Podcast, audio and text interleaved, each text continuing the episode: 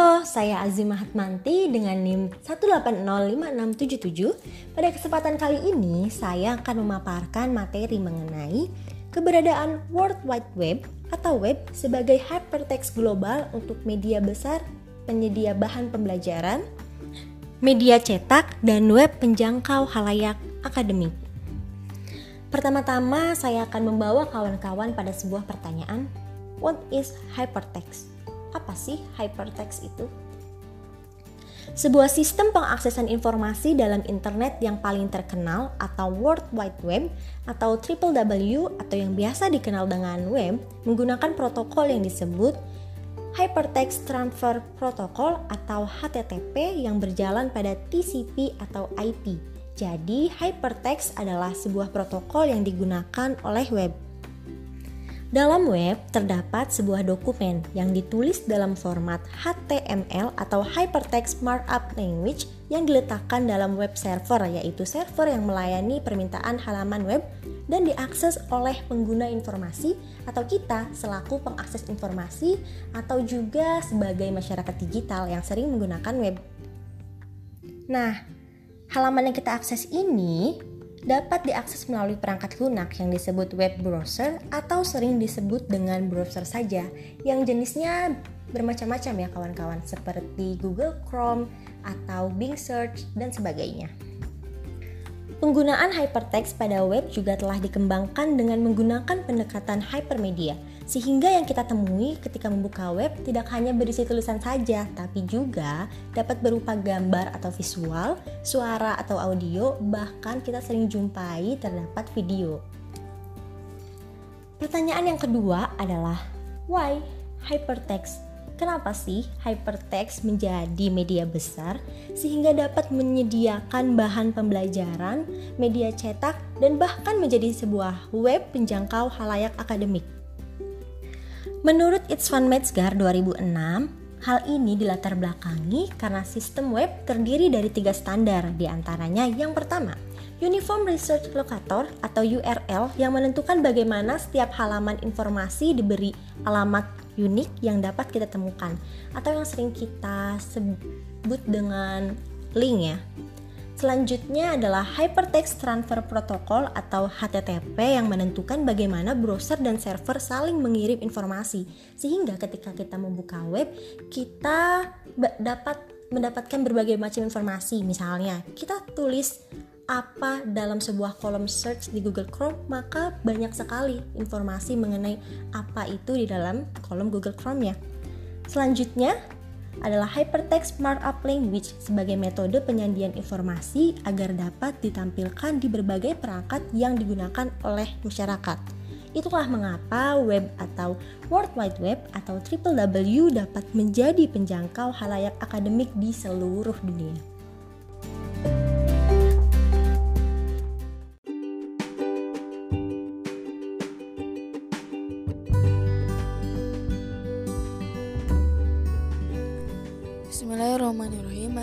Assalamualaikum warahmatullahi wabarakatuh Perkenalkan nama saya Rusya Nuralifa dari kelas PPBB 2018 dengan NIM 1808347 Di sini saya akan menyampaikan mengenai teknologi informasi, perubahan paradigma utama dan teori atau pendekatan filosofis atau analitis serta implikasi teknologi untuk meningkatkan inovasi dan menjawab fenomena kontinum atas spektrum budaya lain.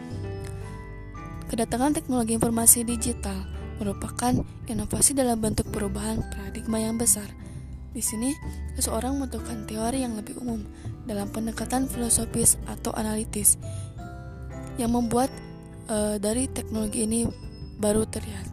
Masalahnya ialah setiap teknologi yang menyebar berfungsi sebagai prostesis yang akhirnya tidak begitu tampak terlihat dalam masyarakat. Salah satu efek dari ketidaktampakan yakni masyarakat atau kita cenderung melihat setiap teknologi baru dalam dua cara.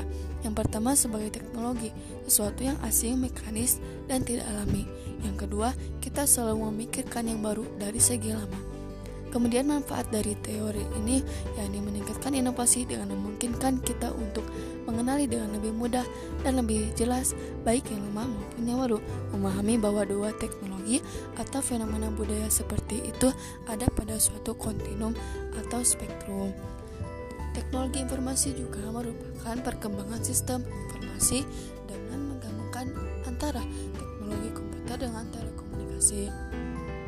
Nah, perkembangan teori ini khususnya TIK mem memberikan manfaat atau memberikan juga fenomena penting yang diprediksi akan menjadi ciri utama dan memiliki implikasi untuk mengubah paradigma pembelajaran pada abad 21 ini. Farisi tahun 2016.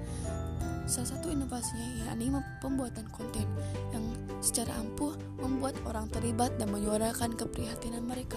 Keterlibatan dengan TIK membuat kreativitas individual dan peluang baru untuk mengekspresikan diri melalui saluran yang berbeda. Picato tahun 2011. Kecenderungan perubahan dan inovasi dalam dunia pendidikan akan terus terjadi dan berkembang dalam memasuki abad ke-21 ini. Kecenderungan perubahan dan inovasi tersebut memiliki implikasi yang sangat luas dalam dunia pendidikan, yaitu perubahan dalam program pembaruan dan teknologi pembelajaran, pembaruan atau perubahan dalam program belajar dan pembelajaran dalam menggunakan metode eksperimental, pengendalian belajar lebih kepada peserta didik, peningkatan IQ, EQ, SQ, serta menuntut integrasi TIK dalam kegiatan pembelajaran. Pendidikan memerlukan inovasi dan kreativitas dalam proses pembelajaran. Sekian yang dapat saya sampaikan. Wassalamualaikum warahmatullahi wabarakatuh.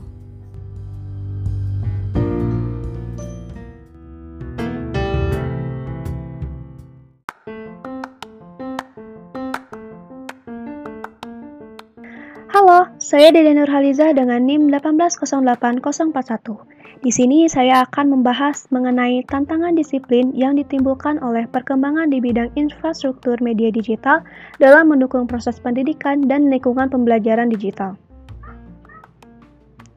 Kemajuan teknologi yang sangat berkembang pesat secara tidak langsung telah mempengaruhi segala aspek kehidupan manusia, salah satunya di dalam bidang pendidikan. Lembaga pendidikan di seluruh dunia saat ini mengintegrasikan teknologi informasi ke dalam proses pembelajaran dan pengajaran baik sebagai bagian dari upaya yang lebih luas untuk membuat pedagogi lebih relevan bagi mahasiswa kampus atau siswa dan pembelajaran jarak jauh dan sebagai sarana untuk mengatasi tantangan pembelajaran seumur hidup. Menurut Lannisted, dalam list tol tahun 2003, menjelaskan bahwa lingkungan pembelajaran digital di sini dipahami sebagai label umum untuk solusi media digital untuk pertama, produksi konten, manajemen, dan diseminasi, kedua, pengajaran, kolaborasi tim, dan dukungan kelompok, dan yang ketiga, administrasi dan manajemen proses pembelajaran. Lingkungan digital pun meliputi alat, berbagai tingkat infrastruktur, materi, media, dan sumber belajar yang mendukung program belajar mengajar di lembaga pendidikan. Tujuan utama dari memperkenalkan lingkungan belajar digital di pendidikan tinggi adalah untuk mengembangkan proses pendidikan dan meningkatkan kualitas pembelajaran dan untuk menyediakan lingkungan belajar yang relevan dalam menanggapi perkembangan kehidupan kerja, teori pendidikan dan harapan siswa, dan dalam jangka panjang. Di sini terdapat tiga area utama dari fungsionalitas layanan dan alat yang dapat dikatakan lingkungan belajar digital, yaitu untuk belajar dan mengajar, yang kedua membuat dan mengelola konten dan sumber belajar, dan yang ketiga koordinasi pada tingkat kelembagaan.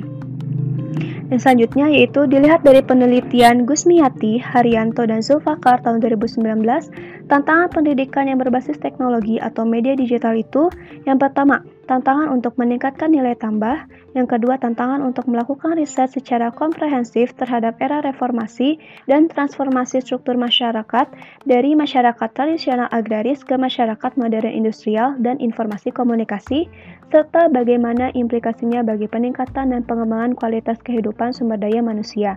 Dan ketiga, tantangan dalam persaingan global yang semakin ketat.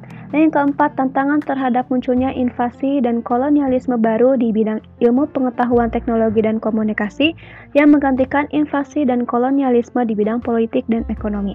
Cukup sekian yang bisa saya sampaikan. Mohon maaf apabila banyak kekurangan. Terima kasih.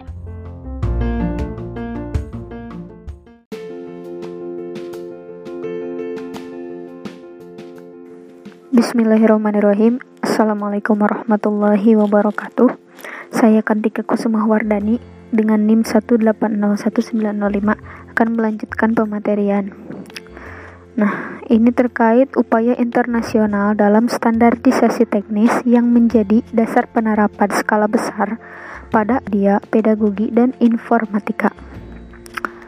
Nah, contoh euforia ini memberikan gambaran sekilas tentang fungsionalitas di lingkungan belajar digital di mana tata bahasa menjadi standar untuk representasi realitas dan pertukaran objek representasi diperkenalkan. Nah, badan-badan standarisasi internasional ini uh, menginvestasikan upaya yang substansial. Nah, hal ini sangat penting untuk dimasukkannya lingkungan pembelajaran digital dalam skala besar dalam program pendidikan di pendidikan tinggi. Nah, pekerjaan pekerjaan ini dan implikasinya terhadap fungsionalitas learning management system atau sistem manajemen pembelajaran merupakan bagian dari empiris media yang digunakan praktisi studi media. Nah, masalah pertama yang dibahas dalam contoh euforia berkaitan dengan menggambar pada sistem administrasi untuk membangun dukungan sistem manajemen pembelajaran untuk kursus dan program atau contohnya ruang kursus. Nah, ini tuh merupakan prasyarat untuk penggunaan media digital skala besar di lembaga pendidikan. Ada lima prasyarat.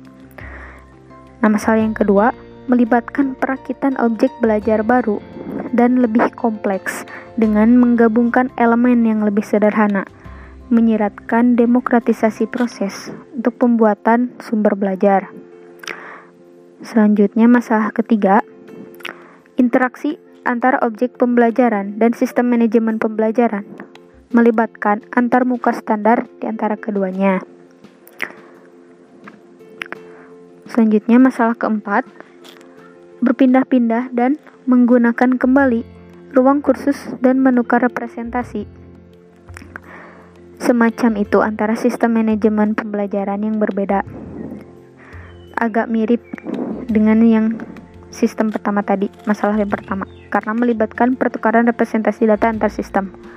Nah, yang terakhir, masalah kelima, membuat informasi kursus tersedia untuk pihak ketiga karena melibatkan pertukaran data dari sumber otoritatif tunggal dalam sistem administratif melalui ekspor standar dan rutinitas transfer ke penyimpanan umum sebagai objek berdasarkan model data standar. Nah, semua masalah ini ditangani oleh inisiatif standarisasi internasional yang membuka jalan bagi solusi atas tantangan nyata saat ini. Menurut John Nested, modularisasi dan integrasi serta standarisasi yang mungkin semuanya menjadi prasyarat untuk meningkatkan lingkungan pembelajaran digital ke lingkup kelembagaan, mengingat jumlah pengguna dan penawaran yang terlibat di banyak institusi. Ini dalam buku Litsol, Morrison tahun 2003. Sekian dan terima kasih.